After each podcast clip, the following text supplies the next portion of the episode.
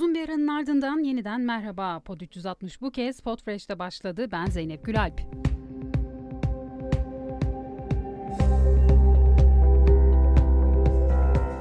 Hafta İdlib'de Kızılay görevlerine yönelik yapılan saldırı haberiyle başladı. Sivillere yardım taşıyan Kızılay ekibinin bulunduğu araca plakasız iki araçtaki yüzleri maskeli kişiler tarafından çapraz ateşle saldırı düzenlendi. Saldırıda Kızılay görevlisi Mehmet Arif Kıdıman şehit oldu. Çarşamba günü bu kez de Türk Silahlı Kuvvetleri'nin 7 numaralı gözlem noktasına saldırı girişiminde bulunuldu. Alınan tedbirler sonrası gruptakiler dağıldı. Gözlem noktalarında herhangi bir hasar olmadı. Bu arada Rusya, Suriye'nin Kamışlı ilçesine askeri sevkiyat yaptı. 30 araçlık konvoyla beraber Rusya'nın bölgedeki asker sayısı 300'ü aştı.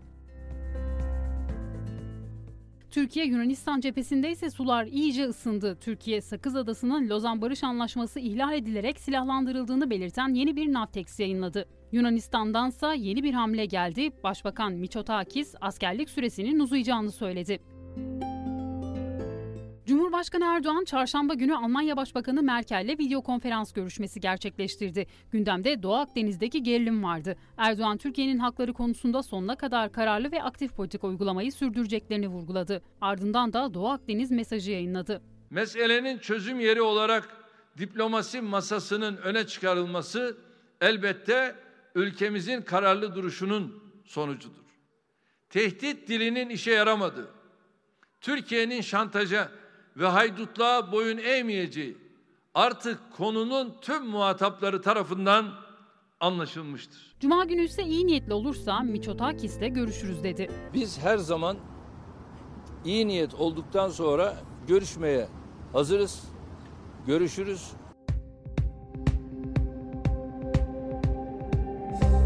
12 Eylül 18 Eylül arası Türkiye'de koronavirüsten 420 kişi hayatını kaybetti. 11.584 kişiye ise Covid-19 tanısı konuldu. Profesör Doktor Tufan Tükek ise Çapa'da pozitif koronavirüs testlerinin oranını açıkladı. Salgın İstanbul için yeniden başladı dedi. Bilim Kurulu çarşamba günü toplandı. Sağlık Bakanı Fahrettin Koca salgında sona doğru gelindiğini söyledi. Bilimsel gelişmeler bu salgının da sonunun yakın olduğuna işaret etmektedir. İnsan aklı koronavirüs karşısındaki galibiyetini yakın zamanda ilan ede- edebilecektir. Bu hafta Çin'den getirilen aşı Türkiye'deki gönüllü deneklerde denenmeye başlandı. İlk olarak Hacettepe Üniversitesi'nde gönüllü olan sağlık çalışanlarına yapılacağı söylendi. Aşı ilk etapta 13 bin kişiye uygulanacak ve 18-60 yaş arasındaki gönüllülere aşı yapılacak. Pandemiyle savaşan doktorlar tükeniyoruz dedi. Yüzlerce doktor kendilerinin ve halkın yaşadığı sorunlara dikkat çekti. MHP Genel Başkanı Devlet Bahçeli ise Türk Tabipler Birliği'nin kapatılmasını istedi.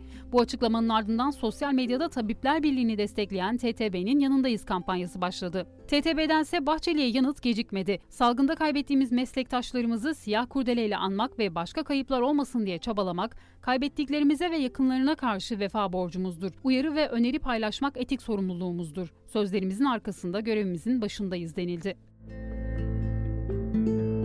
Koronavirüs salgın nedeniyle tiyatroların kapatılması ve açık hava etkinliklerinin yasaklanmasına gelen tepkilerin ardından açık ve kapalı mekanlarda sahnelenecek tüm tiyatro, opera ve bale gösterileri yasak kapsamının dışına alındı. Ancak konserlere getirilen yasak devam ediyor. Müzisyenler ise yaşadıkları sıkıntılara dikkat çekmek için kırmızı profil fotoğrafı kampanyası başlattı. Müzik Yorumcuları Birliği Başkanı Burhan Şeşen süreçte müzisyenlerin yaşadığı sıkıntıları Pod 360'a anlattı. Merhabalar, iyi yayınlar. E, müzik sektörü ne yazık ki yıllardır karşılaşmadığı bir krizle karşı karşıya kaldı. E, tabii bu, pandemi sürecini bütün dünya e, zorlukla atlatıyor. Yani bu kolay bir süreç değil. E, ama Türkiye'de özellikle müzisyenlerin durumu hakikaten yürekler acısı. E, yüz binlerce kişinin etkilendiğini düşünüyorum ben. Çünkü sadece sektör dediğimiz zaman e, müzisyenleri düşünmemek lazım veya şarkıcıları. E, bunun teknik ekibi var, ses ve ışık sistemi var, ulaşımı var, konaklaması var, güvenliği var, var oğlu var. E, onun için e, çok çok geniş bir kitlenin etkilendiğini düşünüyorum.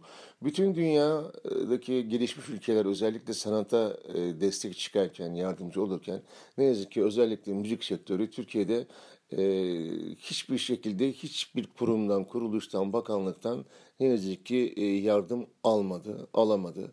E, aylardır toplantılar yapıyoruz, e, konuşmalar, Zoom üzerinden toplantılar, yazışmalar, mailleşmeler hiçbir şekilde sonuç alamadık. Yani sadece e, hükümet kan kanadından değil, e, yerel yönetimlerden de hiçbir şekilde e, olumlu geri dönüşleri almadık. Bu yüzden yani ne yapacağımız, nasıl hareket edeceğimiz artık nasıl bir çıkış bulacağımız konusunda yavaş yavaş umutsuzluğa e, düşmek üzereyiz. E, gün geçmiyor ki işte enstrümanını satan bir müzisyen görmeyelim veya işte e, artık bu işe e, bırakıp da başka işlere yönelen veya e, çok genç yetenekli arkadaşlarımızın belki müziğe Türkiye'nin yeni müziğini e, yönetecek arkadaşlarımızın genç yetenekli arkadaşlarımızın artık müzik sektöründen e, vazgeçmeleri ve e, başka işlere yönelmelerini acıyla görüyoruz. E, niye böyle oluyor? Yani hiç mi diyorum mesela e, bir şarkımız e, bu yetkililerin hiç mi yüreğine dokunmadı? Yani hiç mi bizim bir şarkımızı dinlemediler, e, onunla gülüp onunla hüzünlenmediler? Bu kadar müzik sektörünü dışında tutmak bu olayları niye? En son biliyorsunuz e, operaya, baleye ve tiyatroya e, açık alanda izin çıktı ama yine yine müzik izni yok. Yani yine müziğe izin yok.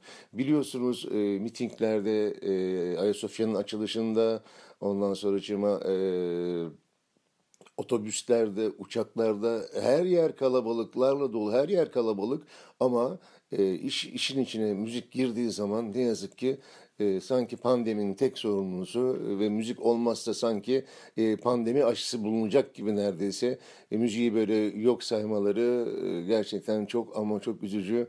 E, bilmiyorum neler olacak artık biz yazmaktan, çizmekten, söylemekten yorulduk. Ne telefonlarımıza cevap veriliyor, ne yazılarımıza artık mesajlarımıza geri dönüş.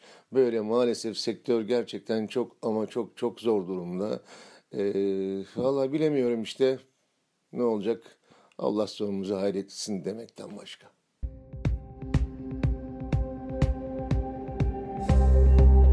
Pod 360'tan bu haftalıkta bu kadar. Tekrar görüşünceye dek maskenizi yüzünüzden eksik etmeyin, mesafenizi koruyun ve lütfen ellerinizi sık sık yıkayın. Hoşçakalın.